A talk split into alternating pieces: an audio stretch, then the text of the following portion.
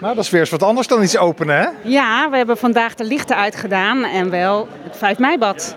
Op de bodem van het zwembad. Ja, het pierenbaadje, geloof ik dit. Ja, het kleine, kleine bad. Ja, heel bijzonder. En met de gebruikers van het pand eh, toch een momentje met elkaar gecreëerd. Zoveel herinneringen. Het bad is eh, gebouwd in 79 en geopend. En eh, ja, heel intensief al die jaren. 3, 44 jaar in gebruik geweest. En eh, nou, er zijn natuurlijk heel veel Leidenaren met herinneringen hier. Er zijn ook hele mooie wedstrijden gespeeld hier. Dus... eh, eh, reden genoeg om met elkaar hier toch even bij stil te staan. Ja, en eh, nou ja, de nieuwe toekomst eh, die ligt een stukje verderop, hè?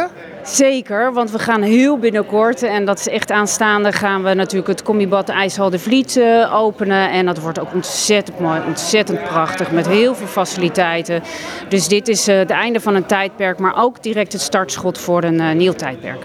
Want wanneer gaan daar de eerste baantjes getrokken worden? Dat kan al heel snel. 2 september, eh, heb ik net begrepen, worden in ieder geval voor de zwemverenigingen opengesteld. En ik geloof 4 september dan eh, voor eh, ja, het be- brede publiek, Voor iedereen. voor iedereen. Ja.